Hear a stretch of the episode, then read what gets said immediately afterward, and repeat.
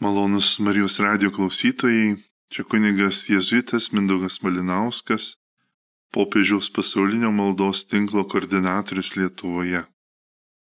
Ir šį mėnesį, kaip ir kiekvieną, norėčiau pristatyti popiežiaus maldos intenciją spalio mėnesiui už sinodą bažnyčioje.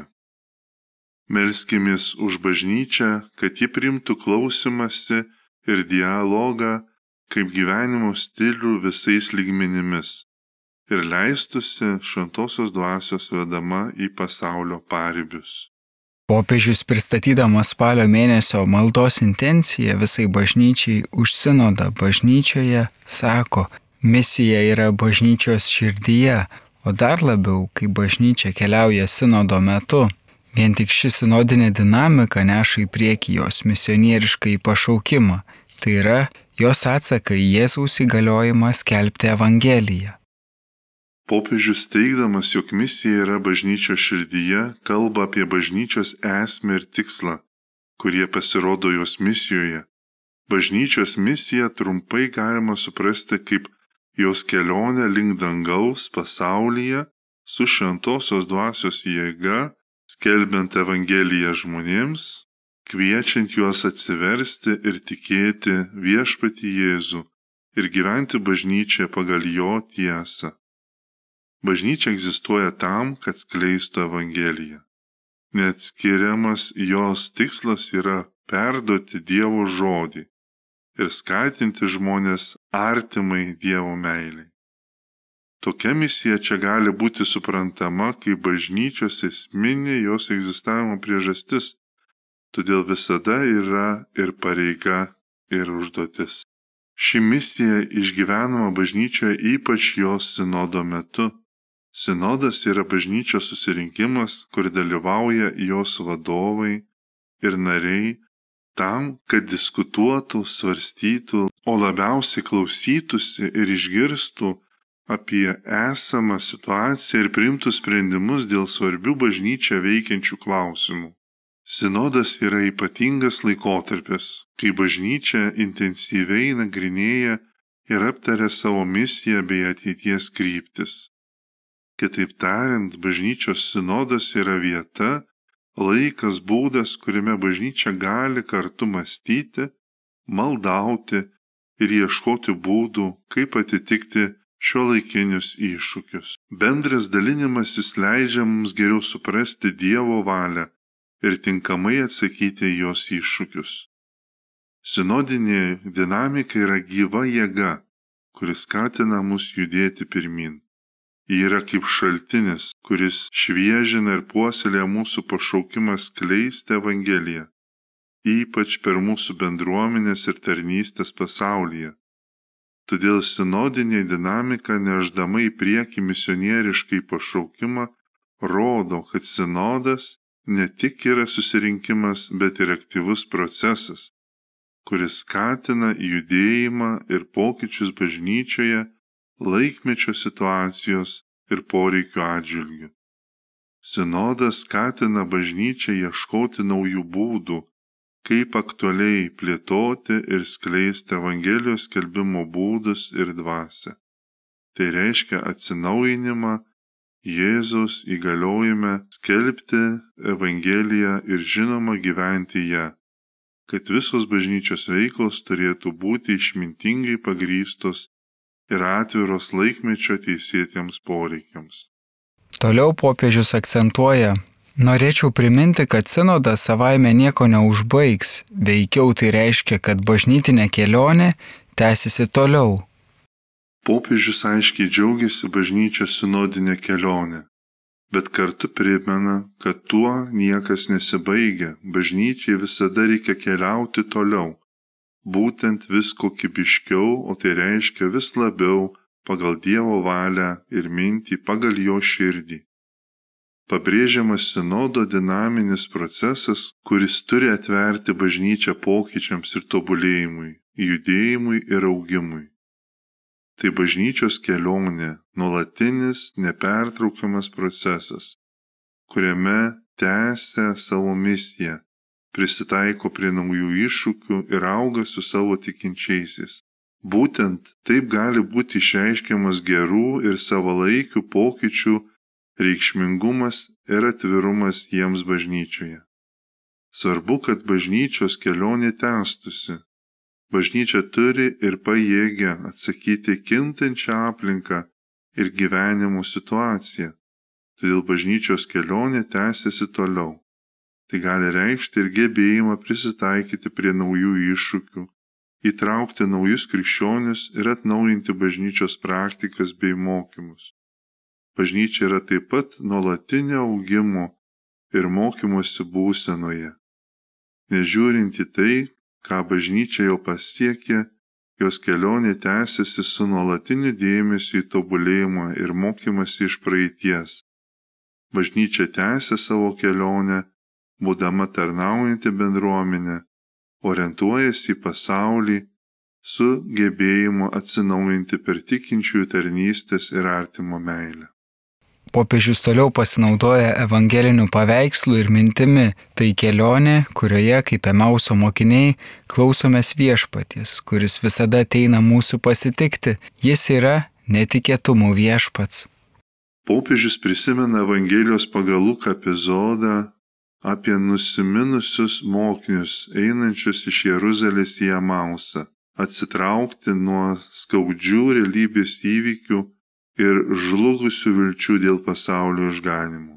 Bet yra paties Jėzaus neatskleistų ir nežinomų pavydalų pasitikti ir užkalbinami, patraukti klausytis ir užsidegti Dievo žodžiu, pamokyti, paskatinti praregėti ir pažinti patį Jėzaus buvimą kartu, kai buvo laužoma Eucharistinė duona.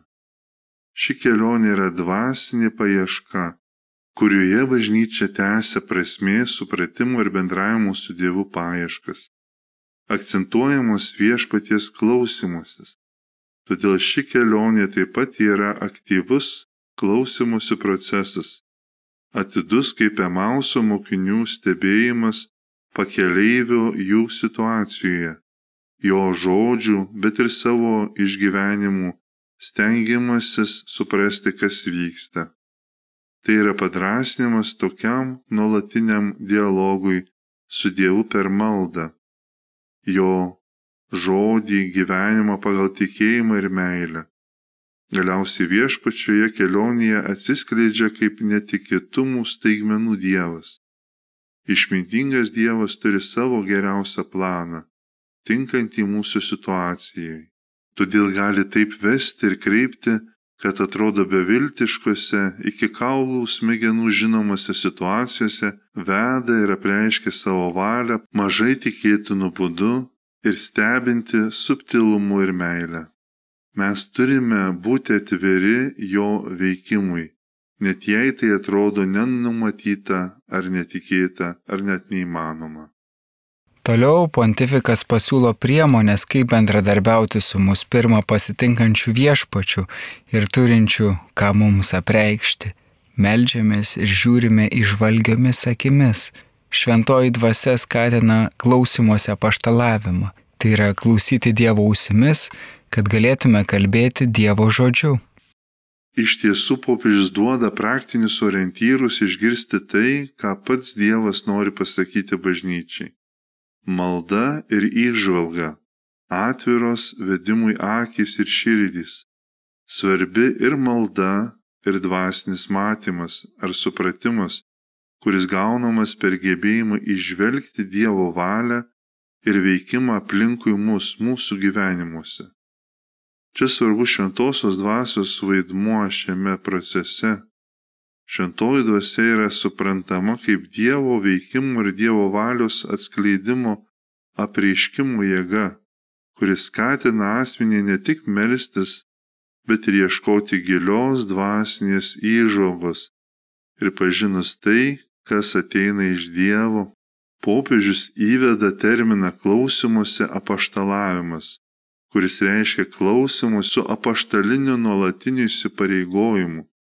Tai ne tik pasyvus klausimasis, bet ir aktyvus atsidavimas klausytis Dievo, kad galėtume suprasti Jo valią ir vadovautis Jo žodžiu. dar labiau klausytis Dievo ausimis. Tai pabrėžiama gilus ir nuoširdus ryšys su Dievu. Tai reiškia ne tik girdėti, bet ir suprasti, suvokti bei paklusti Dievo valiai. O tas klausimasis Dievo ausimis įgalina kalbėti Dievo žodžiu.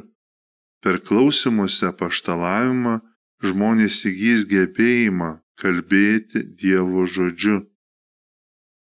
Tai reiškia, kad tikintysis nuolat klausydamasis ir suprasdamas Dievo valią galės aktyviai dalintis Evangelijos žiniomis ir skleisti Dievo meilę.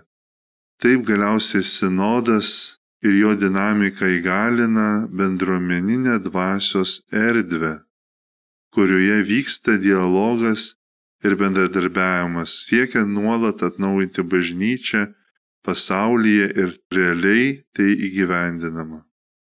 Galiausiai popiežius atskleidžia Dievo artumo misijai viziją išvelgiamą per klausimuose paštalavimą. Taip priartėjame prie Kristaus širdies, iš kurios kyla mūsų misija ir iš kurios skamba balsas, kuris mus kviečia pas jį. Šis balsas mums atskleidžia, kad misijos esmė yra pasiekti visus, ieškoti visų, priimti visus, įtraukti visus, ne vieno neišskiriant. Iš tiesų, per klausimuose paštalavimą, maldą ir įžvalgą galima priartėti prie Kristaus širdies, Dievo giliausios ir imtimiausios valios ir gailestingos meilės, giliausio ryšio su juo. Pabrėžiamas dvasinis priartėjimas prie Kristaus širdies kaip šaltinio ir kaip kelrodės eiti į ryšio su Dievu gelmę. Nes iš Kristaus širdies kaip misijos šaltinio tai yra iš esminio suvokimo apie Kristaus meilę ir jos patirties galima išpildyti tikėjimo pareigas ir skleisti Evangeliją.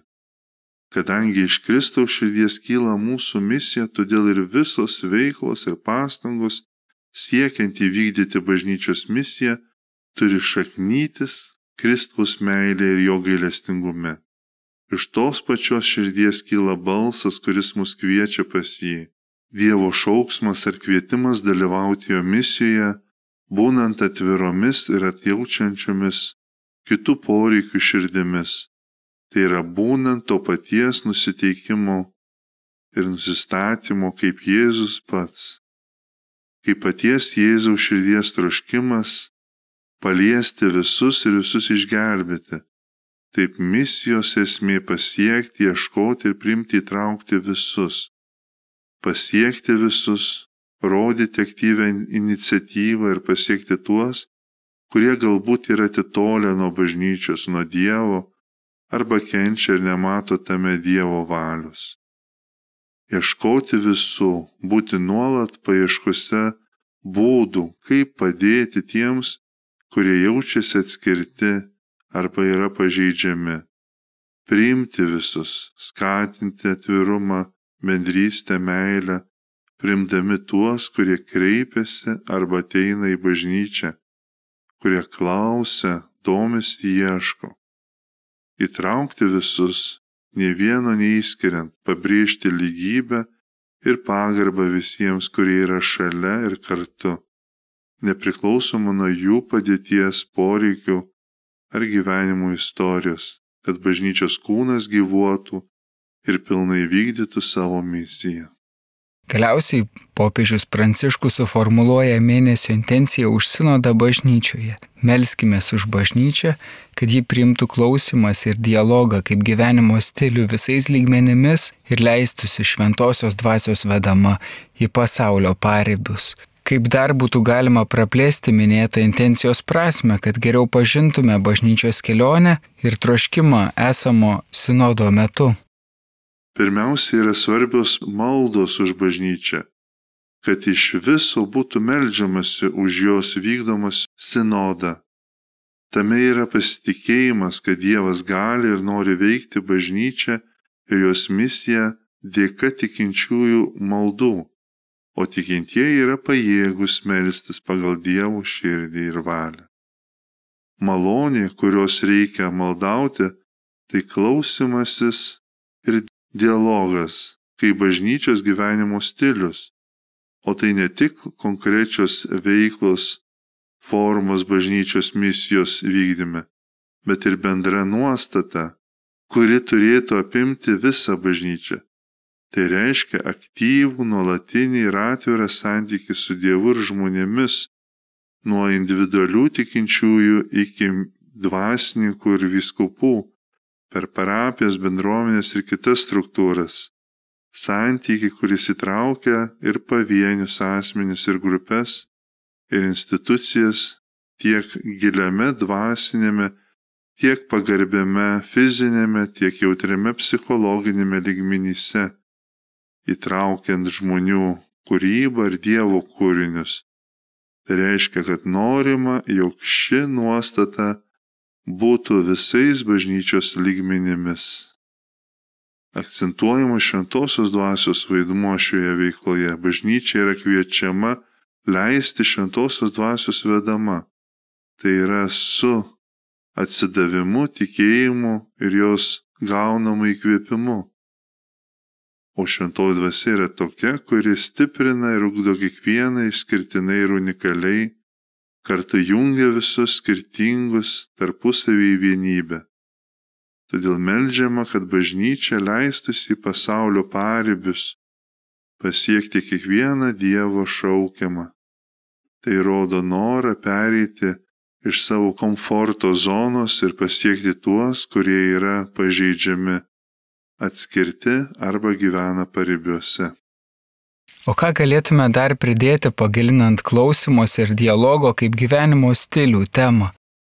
Tarptautinė teologinė komisija savo dokumente Sinodalumas bažnyčios gyvenime ir misijoje 2018 metais teigia, Sinodalumas bažnyčioje išgyvenamas tarnaujant misijai. Eklezija peregrinans natura sua missionarija est. Jie egzistuoja tam, kad evangelizuotų. Visa Dievo tauta yra Evangelijos skelbimo veikėja Kiekvienas pakrikštytasis pašauktas būti misijos veikėjas, nes visi esame misionieriai, mokiniai. Bažnyčia sinodinėje sinergijoje kviečiama aktyvinti jos gyvenime esančias tarnybas bei charizmas įsiklausyti į dvasios balsą, kad atpažintų evangelizacijos kelius. Sinodiniuose susirinkimuose vykstančios konsultacijos iš tikrųjų yra kitokios, nes juose dalyvaujantis Dievo tautos nariai atsiliepia į viešpaties kvietimą, kaip bendruomenė klausosi, ką dvasia sako bažnyčiai per Dievo žodį, kuris atsiliepia jų situacijoje ir tikėjimo akimis aiškina laiko ženklus. Sinodinėje bažnyčioje visa bendruomenė laisva ir turtinga savo narių įvairove yra kviečiama drauge melstis, klausytis, analizuoti, vesti dialogą, išvelgti ir patarti, kaip priimti pastoracinius sprendimus, kurie kuo labiau atitiktų Dievo valią. Taigi, formuluodami savo sprendimus, ganytojai turi atidžiai įsiklausyti į tikinčiųjų pageidavimus. Kanonų teisė numato, kad tam tikrais atvejais jie privalo veikti tik prieš tai pagal teisiškai nustatytas procedūras, išsiaiškinę ir gavę įvairias nuomonės. Bažnyčios sinodinėme pašaukime teologijos charizma pašaukta teikti ypatingą tarnystę. Jie apima Dievo žodžio klausimąsi, tikėjimų supratimą išmintingai, moksliškai ir pranašiškai. Laiko ženklų atpažinimą Evangelijų šviesoje ir dialogą su visuomenė bei kultūromis. Visą tai tarnaujant Evangelijos skelbimui. Draugė su tikinčios tautos tikėjimo patirtimi ir tiesos kontempliacija bei ganytojų pamokslais teologija padeda vis giliau skverbtis į Evangeliją. Be to, kaip ir visų krikščioniškųjų pašaukimų atveju, teologų tarnystė ne tik yra asmeninė, bet ir bendruomeninė bei kolegali. Todėl bažnytiniam sinodalumui reikia, kad teologai teologiją vykdytų sinodaliniu būdu, ugdydami savo gebėjimą klausytis vieni kitų, mėgsti dialogą, išvelgti ir derinti savo daugybę ir įvairovę požiūrių bei įnašų. Sinodalinis bažnyčios gyvenimas atsiranda dėl to, kad įgyvendinamas tikras tikėjimo, gyvenimo ir misionieriško įsipareigojimo bendravimas tarp visų jos narių. Jis išreiškia komunijo sanktorum, kuris gyvas iš maldos, maitinamas sakramentais, klesti meilę vienas kitam ir visiems auga dalydamasi Kristaus nuotokos džiaugsmais ir išbandymais. Bendravimas turi tapti aiškus per bendruomenę, kuri klausosi Dievo žodžių, kad žinotų, ką dvasia sako bažnyčioms. Sinodinė bažnyčia yra bažnyčia, kuri klausosi. Tikinčioji tauta, viskupų kolegija, Romos vyskupas. Visi klausosi vieni kitų ir visi klausosi šventosios dvasios. Sinodinis dialogas priklauso nuo drąsos ir kalbėti ir klausytis. Tai neįsitraukimas į debatus, kai vienas kalbėtojas stengiasi užvaldyti kitus ar atremti jų pozicijas aštriais argumentais, bet išsakymas visko, kas atrodo šventosios dvasios pasiūlyta kaip naudinga bendruomeniniam išvalgumui. Kartu būnant atviriems priimti tai, ką ta pati dvasia pasiūlė kitų žmonių pozicijose bendram labui. Kriterijus, pagal kurį vienybė nugali konfliktą, ypač vertingas, vedant dialogą valdant skirtingas nuomonės bei patirtis ir mokantis istorijos konstravimo stiliaus gyvybiškai svarbaus lauko, kuriame konfliktai, įtampos ir priešingybės gali pasiekti pluralistinę vienybę, kuris sukuria naują gyvybę, leidžiančią kurti bendrystę tarp nesutarimų. Iš tikrųjų, dialogas suteikia galimybę įgyti naujų perspektyvų ir požiūrio taškų, kad būtų galima nušviesti nagrinėjimo klausimų sprendimą. Dievo tauta keliauja per istoriją, kad su visais dalytųsi Evangelijos raugų druska ir šviesa. Štai kodėl evangelizacija taip pat apima dialogų kelią kuriuo žengiame kartu su broliais ir seserimis iš įvairių religijų, pasaulyje žiūrų ir kultūrų, ieškančiais tiesos ir įsipareigojusiais kurti teisingumą, kad atvertų visų širdis ir protus atpažinti šalia mūsų einančio Kristaus buvimą. Iniciatyvos apimančios susitikimą, dialogą ir bendradarbiavimą įgyja pasitikėjimą kaip vertingi mūsų bendrijos piligrimystės etapai. O Dievo tautos sinodinė kelionė pasirodo esanti gyvenimo mokykla, kurioje įgyjame etosą, būdą, reikalingą dialogui su visais be spekuliavimų ar kompromisų. Iš tiesų šiandien, kai visi labiau suvokdami tautų tarpusavio priklausomybę, esame priversti pasaulį laikyti mūsų bendrais namais. Bažnyčia yra pašaukta parodyti, kad jos katalikiškumas ir sinodinis gyvenimo bei veiklos būdas yra vienybės įvairovėje ir bendrystės laisvėje katalizatorius. Tai svarbus indėlis, kurį Dievo tautos gyvenimas ir sinodinis atsivertimas gali įnešti skatinant susitikimo ir solidarumo pagarbos ir dialogo įtraukties ir integracijos, dėkingumo ir dovanos kultūrą. Tam galime pacituoti popiežiaus Pranciškaus kalbą 56-osios pasaulinės socialinio bendruomenio ūkdymo dienos pranešime. 2022 m. sausio 24 d. Klausytis vieniems kitų bažnyčioje. Bažnyčioje taip pat labai reikia klausytis ir girdėti vieniems kitus. Tai brangiausia ir gyvybę teikianti dovana, kurią galime pasiūlyti vieni kitiems. Krikščionys pamiršo, kad klausimosi tarnystė jiems patikėjo tas, kuris pats yra didysis klausytojas ir kurio darbo jie turėtų dalytis. Turėtume klausytis Dievo ausimis, kad galėtume kalbėti Dievo žodį. Taigi protestantų teologas Dietrichas Bonhoefferis primena, kad pirmoji tarnystė, kurią privalome atlikti kitiems bendrystėje, yra jų klausimasis. Kas nemoka klausyti savo brolio ar sesers, netrukus nebegalės klausytis ir Dievo. Svarbiausia pastoracinės veiklos užduotis yra ausies apaštalavimas - klausytis prieš kalbant, kaip ragina paštalas Jokūbas tegul kiekvienas žmogus būna greitas klausytis, lėtas kalbėti. Nemokamai skirti šiek tiek savo laiko žmonėms išklausyti yra pirmasis meilės veiksmas.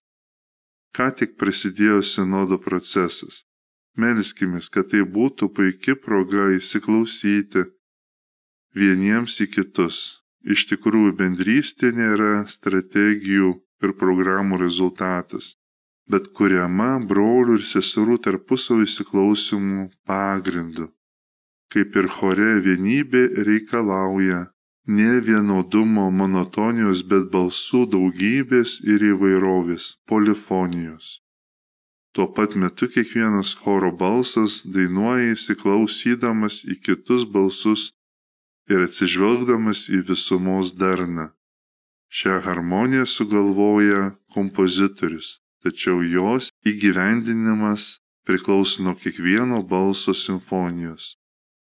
Suvokdami, kad dalyvaujame bendrystėje, kuri mus pranoksta ir apima, galima iš naujo atrasti simfoninę bažnyčią, kurioje kiekvienas žmogus gali gėdoti savo balsu, priimdamas kitų balsus kaip dovana, kad pasireikštų visumos harmonija kurią kuria šventoji dvasia.